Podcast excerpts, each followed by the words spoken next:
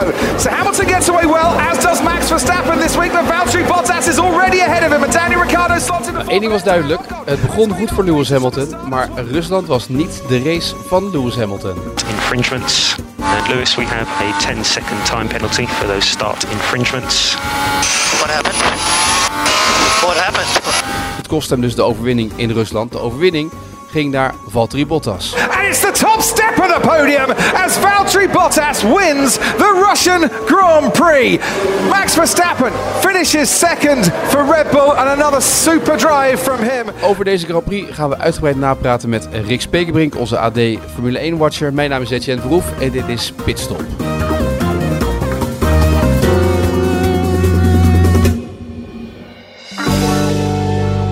Ja, je had het van tevoren wel voorspeld, Rick. Maar als je afging op de kwalificatie van afgelopen zaterdag, dan nou ja, had het toch, leek het best een spannende race te gaan worden in Rusland.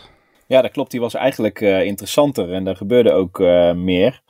Bij de race was het inderdaad na één ronde wel. eh, de eerste ronde gebeurde natuurlijk nog wel wat met twee goede crashes. Maar daarna viel het toch snel in de plooi en, en was er eigenlijk geen verrassing meer.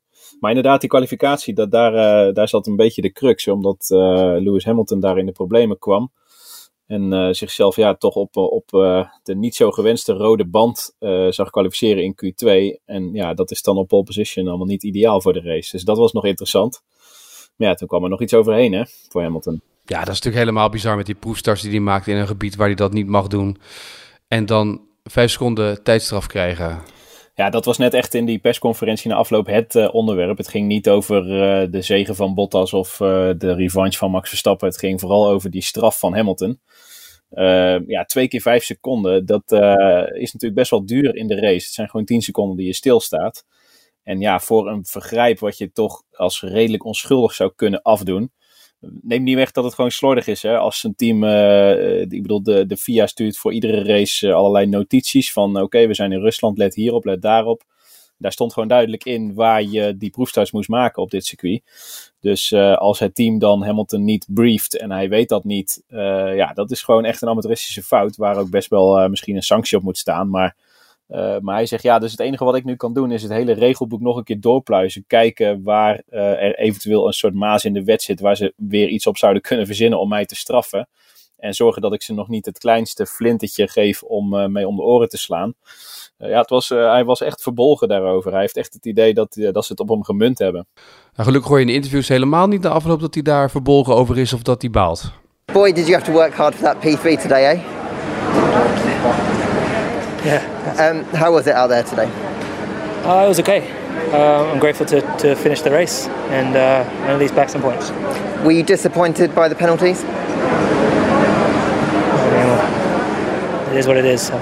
Maar zo kennen we hem niet, hè, zoals hij nu voor de camera verschijnt en wat hij allemaal niet zegt eigenlijk. Ja, zeker. Kijk, hij, hij begint dan nog met: eh, Ik wil beginnen met het Russische publiek. Nou, die hadden we ook al, eh, al kunnen voorspellen. En hebben we zelfs voorspeld. En ook eh, gisteren bij die kwalificatie deed hij dat.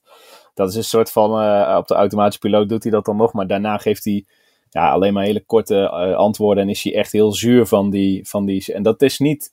eh, dat is toch geen theater, denk ik. Dat, dat voelt hij echt zo. En je kan zeggen dat is overdreven. Hè? Ik bedoel, hij, hij, staat, hij is op ramkoers voor, voor weer een wereldtitel. Er is, er is weinig aan de hand.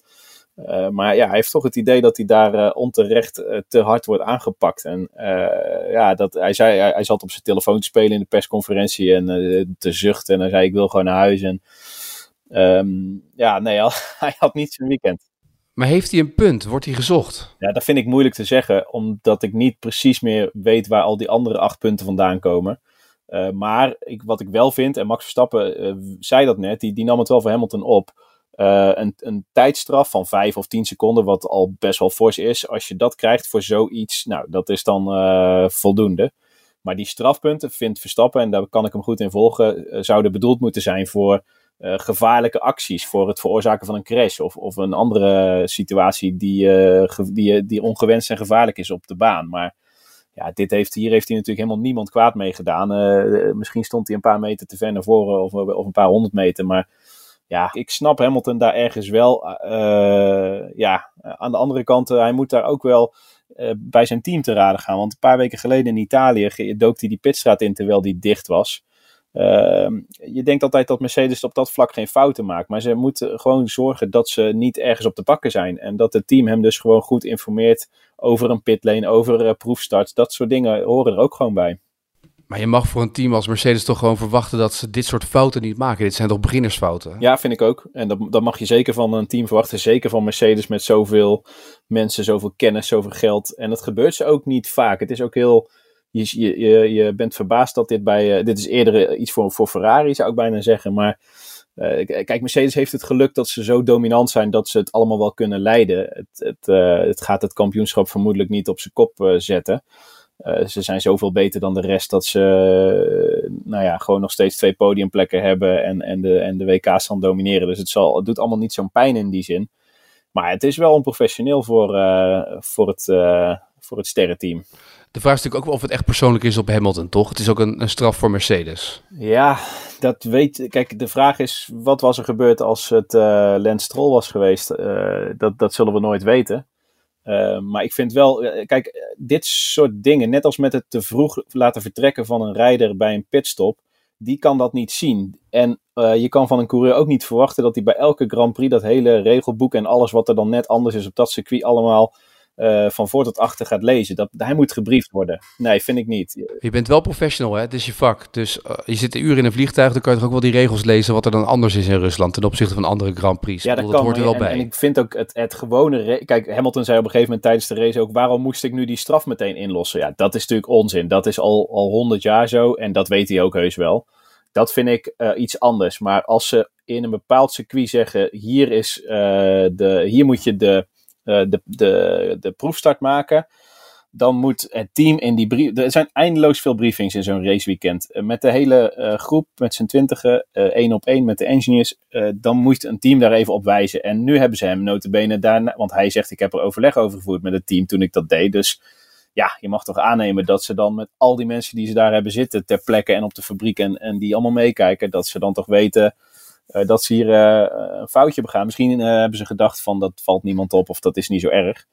Maar ik vind dat dat team het nog misschien wel meer te verwijten valt. Ook al heb je best wel gelijk dat het een professional is. Maar sommige dingen zijn net wat, weer wat anders op een ander circuit. En zijn ieder jaar weer net iets anders. En ja, ik vind toch dat je, de coureur moet zich bezighouden met zo hard mogelijk racen. En, en waar dat precieze lijntje dan staat, ja, daar mag hij best een beetje hulp bij krijgen, vind ik. Dan naar de andere, Max kon niet echt een vuist maken, zei hij zelf ook na afloop uh, van de Grand Prix. Yeah, the, the first stint was a bit more tricky. Uh, I was struggling a little bit with the balance of the car, so I couldn't really keep up with, with Mercedes. But after the pit stop on the hard tire, I think we were more competitive. But of course, I already lost too much ground to, to Valtteri, unfortunately. Um, but still, for us on a track where we know we are normally not that competitive to be second, I think is a great result for us. Maar ja, tweede, uh, op een uh, circuit waar ze nooit echt heel veel punten hebben gehaald, is dat toch best goed? Nee, hij had gisteren na die kwalificatie, waarin uh, hij echt een, een, geweldig rondje neerzet, um, had hij al wel gezegd en rekening mee gehouden dat Mercedes normaal gesproken een tandje te hard zou gaan in die race nou ja, hij krijgt dan ook natuurlijk te horen dat Hamilton tegen die straf aanloopt. Dus ik denk dat uh, Verstappen toen ook meteen heeft gedacht, nou, plek 2 zou dan het uh, maximaal haalbare zijn. Maar die start, hij zei ik aan de rechterkant van die baan, die, je hebt dus een, een, schone kant en een, en een vieze kant. En op die vieze kant van het rechte stuk heb je geen grip. Dus hij had eigenlijk een slechte start en zag Bottas voorbij gaan en Ricciardo en ging even off-road, zoals hij zelf zei. Maar ja, dat, dat herstelt hij dan toch wel weer heel snel. Nog voordat die safety car werd afgeroepen, uh, lag hij alweer op de goede plek. En daarna uh, was het gewoon ja, zijn eigen race rijden en uh, zorgen dat, dat die marges een beetje bleven zoals ze waren. En ja, foutloos gedaan. De motor deed het ook weer gewoon bij Honda. zijn nu alle problemen ook opgelost gelijk of niet? Ja, ik denk het wel. Uh, je weet nooit waar ze misschien volgende race tegen aanlopen. Maar uh, er zijn natuurlijk wel gesprekken geweest de afgelopen uh, week. En Verstappen zei: Ik heb me veel laten uitleggen. En Honda zegt dat ze het hebben opgelost. Um, nou ja, dat was ook zo, want het, dat waren vandaag geen problemen mee. Dus daar moeten we dan maar van uitgaan. Hij zei: Ja, zo, moet zo, zo zou het natuurlijk elke, elke week of elk weekend moeten zijn. Dat ik gewoon vecht om podiumplekken. En. Um, ja, dat, zag er vandaag in ieder geval ook. Kijk, hij verliest maar uh, minder dan acht tellen op uh, Bottas. Op een circuit dat Red Bull niet zo gunstig uh, gezind is. En Mercedes juist wel. Dus nou ja, dat, dat, dat, dat was niet, uh, dat, dat zag er allemaal niet zo slecht uit vandaag. Dat geeft de Max Verstappen-fan dan wel weer iets meer moed, hè? Dat er nog misschien wat mogelijk is voor Max. Ja, als zich een kans voordoet, dan, uh, dan zal die er staan. Dat is ook alweer wat je vandaag dan toch ziet en wat Hamilton misschien ook wel voelt. Als hij ergens een slippertje maakt, dan uh, zal het ook niet zo een keer zo zijn dat Verstappen dat niet afstraft. die, die staat er dan zelf gewoon als alles heel blijft. Um, en, en het was natuurlijk ook wel echt hard nodig hè, na die twee uitvalbeurten. Dus uh, ja, hij zegt ook van ik, we moesten gewoon punten scoren en, en het vertrouwen weer opkrikken. Maar ja, dat, dat geeft dan ook alweer uh, inderdaad uh, hoop voor de komende races. Ja, daar zal hij er misschien best één, één van winnen of, of meerdere keren op het podium komen te staan. Laat onverlet dat het, dat het kampioenschap natuurlijk ver weg is. En dat was natuurlijk wel waar het om ging. Dat moeten we niet vergeten. Gelukkig had je er wel één goed op het podium hè, deze week met je voorspellingen Pitstop TV. Ja, ja, ik had Bottas volgens mij niet eens genoemd, toch wel? Nee, je had Perez op de derde plek. Nou, dat scheelde niet heel veel. Die werd vierde. Die krijg je ja, dan nog een beetje. Dus dat, ja, je zat dichtbij. Dichtbij, Ja, oké. Okay. Nou, de, ik steek hem in mijn, in mijn zak. Maar achterin was het voor de rest een beetje halen en brengen. Ja, Albon, weer niet goed, hè? Nee. Nou, dat viel inderdaad tegen, zeg. Uh, weer. Ja, dat, uh... Hij was trouwens voor de camera's van Ziggo Sport ook echt heel kalm de afloop. Is ook bijna niks. Teleurstelling droop er ook vanaf. Nee, het zat, er, het zat natuurlijk niet mee dat hij al geen goede kwalificatie had. Toen nog die vijf uh, plekken moest inleveren voor die versnellingsbak. Dus dan wordt het een. Uh, hij, hij, hij, fietst gewoon niet zo makkelijk van achter naar voor. Uh, zoals bijvoorbeeld Hamilton of Verstappen dat zouden kunnen. Dat kost hem gewoon ja, bijna de hele race. En, en dan zitten er wat dingetjes tegen. En dan, ja, dan is het gat natuurlijk echt enorm. En. Um, hij, hij, hij, blijft nog altijd. Christian Horner zei gisteren volgens mij ook weer van. We zien zo'n zo opgaande lijn en zijn werkhouding is zo goed. Ja, ja, op, op een gegeven moment uh, is zijn krediet toch een beetje op, zou je bijna denken. Maar nou ja, zouden het lang komen. Ze zijn bij Red Bull wel bezig om hem in ieder geval heel veel zelfvertrouwen te geven. Daar zijn ze wel mee bezig, toch? Ja, ja, nou ja, misschien is het ook uh, gezichtsverlies hè, als, je, als je hem weer zou moeten wisselen of er een ander neer zou moeten zetten. Um, de vraag is ook uh, wie het veel beter zou doen. Maar ja, het, is wel, uh, het doet toch wel pijn, neem ik aan, voor hem, deze, deze verschillen elke keer weer. Hij heeft, hij heeft nog, ook in die kwalificaties, nog niet één keer in de buurt van Verstappen gezeten. Het was net geen rondje, hè? Het was ja, dat, ja, net niet. Ja, ja nee, en dat moet Red Bull zich toch ook een beetje aanrekenen, want het geeft ook aan dat Verstappen boven het materiaal uitstijgt, zoals we dat dan steeds uh, noemen. Er was er deze week wel het verhaal van Helmoet Marco, die uh, vertelde hoe Max Verstappen eigenlijk de tactiek bepaalde toen in Engeland door op een gele band te starten. En dat hij ook vond dat Max Verstappen dat briljant deed. En eigenlijk dat ze bij Red Bull heel erg profiteren van het Max-effect.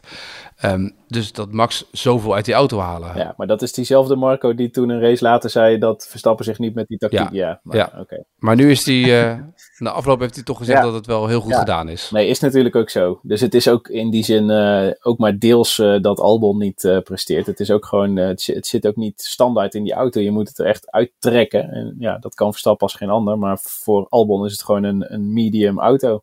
We hebben nu even uh, een week niks, geen Grand Prix weer. En dan gaan we naar om en om eigenlijk. Gaan we daarna naar de Eifel, naar Duitsland. Um, en ze zijn druk bezig om daar allemaal uh, kaartjes voor te verkopen. Want er mogen weer toeschouwers bij.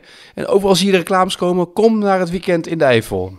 Ja, ik ken de aantallen niet precies. Uh, maar um, het is al, uh, de afgelopen week zag ik het ook op Nederlandse websites voorbij komen. Uh, ja, voor Nederlandse racefans misschien de, de enige kans. Kijk, naar Sochi vlieg je niet zo makkelijk in het coronatijdperk.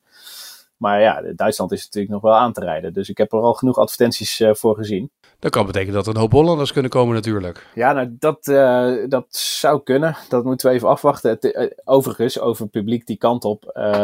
Dat is natuurlijk ook nog niet zo makkelijk. Want ook Oranje, sorry, ook Nederland kleurt Oranje qua corona. En dat zitten ze in Duitsland volgens mij ook niet zo op te springen. Dus dat is allemaal nog, nog niet zo makkelijk.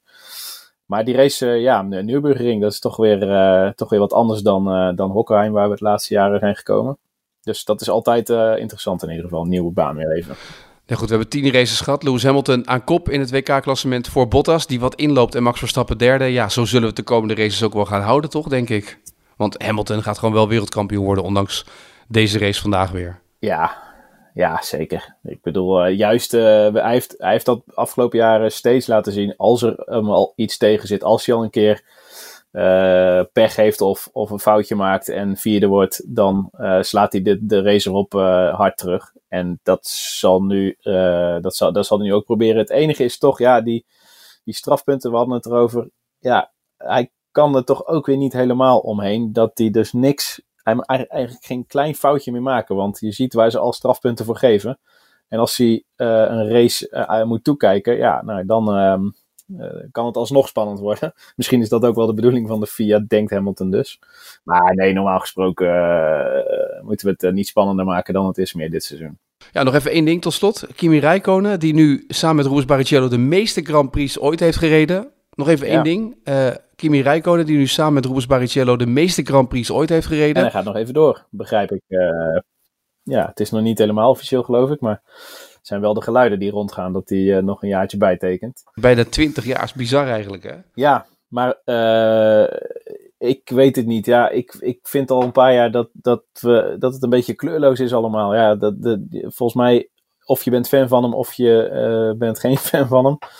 Ik ben het niet meer zo. Ik, eh, maar goed, eh, het is niet dat hij, eh, dat hij niet presteert. Hij doet het beter dan zijn teamgenoot volgens mij wekelijks. Maar ehm, als je daar nou een, een jonge, talentvolle coureur of bijvoorbeeld iemand als Perez die misschien zijn stoeltje kwijtraakt zou neerzetten, zou ik ook wel voorstander van zijn. Maar wie ben ik? Nou ja, volgend jaar Schumacher als ploeggenoot misschien wel. Ja, daar, lijkt het een beetje op. Ja, ook dat is natuurlijk allemaal om eh, meerdere redenen interessant voor de, voor de Formule 1. En hij doet het de laatste tijd ook goed in de Formule 2. Dat mag ook gezegd. Dus nou ja, op zich is dat een, een qua namen natuurlijk. Als je dat kan zeggen, je hebt Raikkonen en Schumacher in je team. Nou ja, dan, eh, dan krijg je wel wat, eh, wat media-aandacht eh, in 2021. Dat in ieder geval wel. Punten scoor je misschien Ja. niet zo heel snel, maar je hebt wel twee namen in de wagen zitten. veel. Goed, dit was Pitstop, de AD-podcast over de Formule 1 eh, voor vandaag. Riek Spekerbrik, dank. Ook dank voor het luisteren. Wij zijn er over twee weken weer. Volgende afspraak is in Duitsland. Dankjewel, Rick. Jo, fijne avond.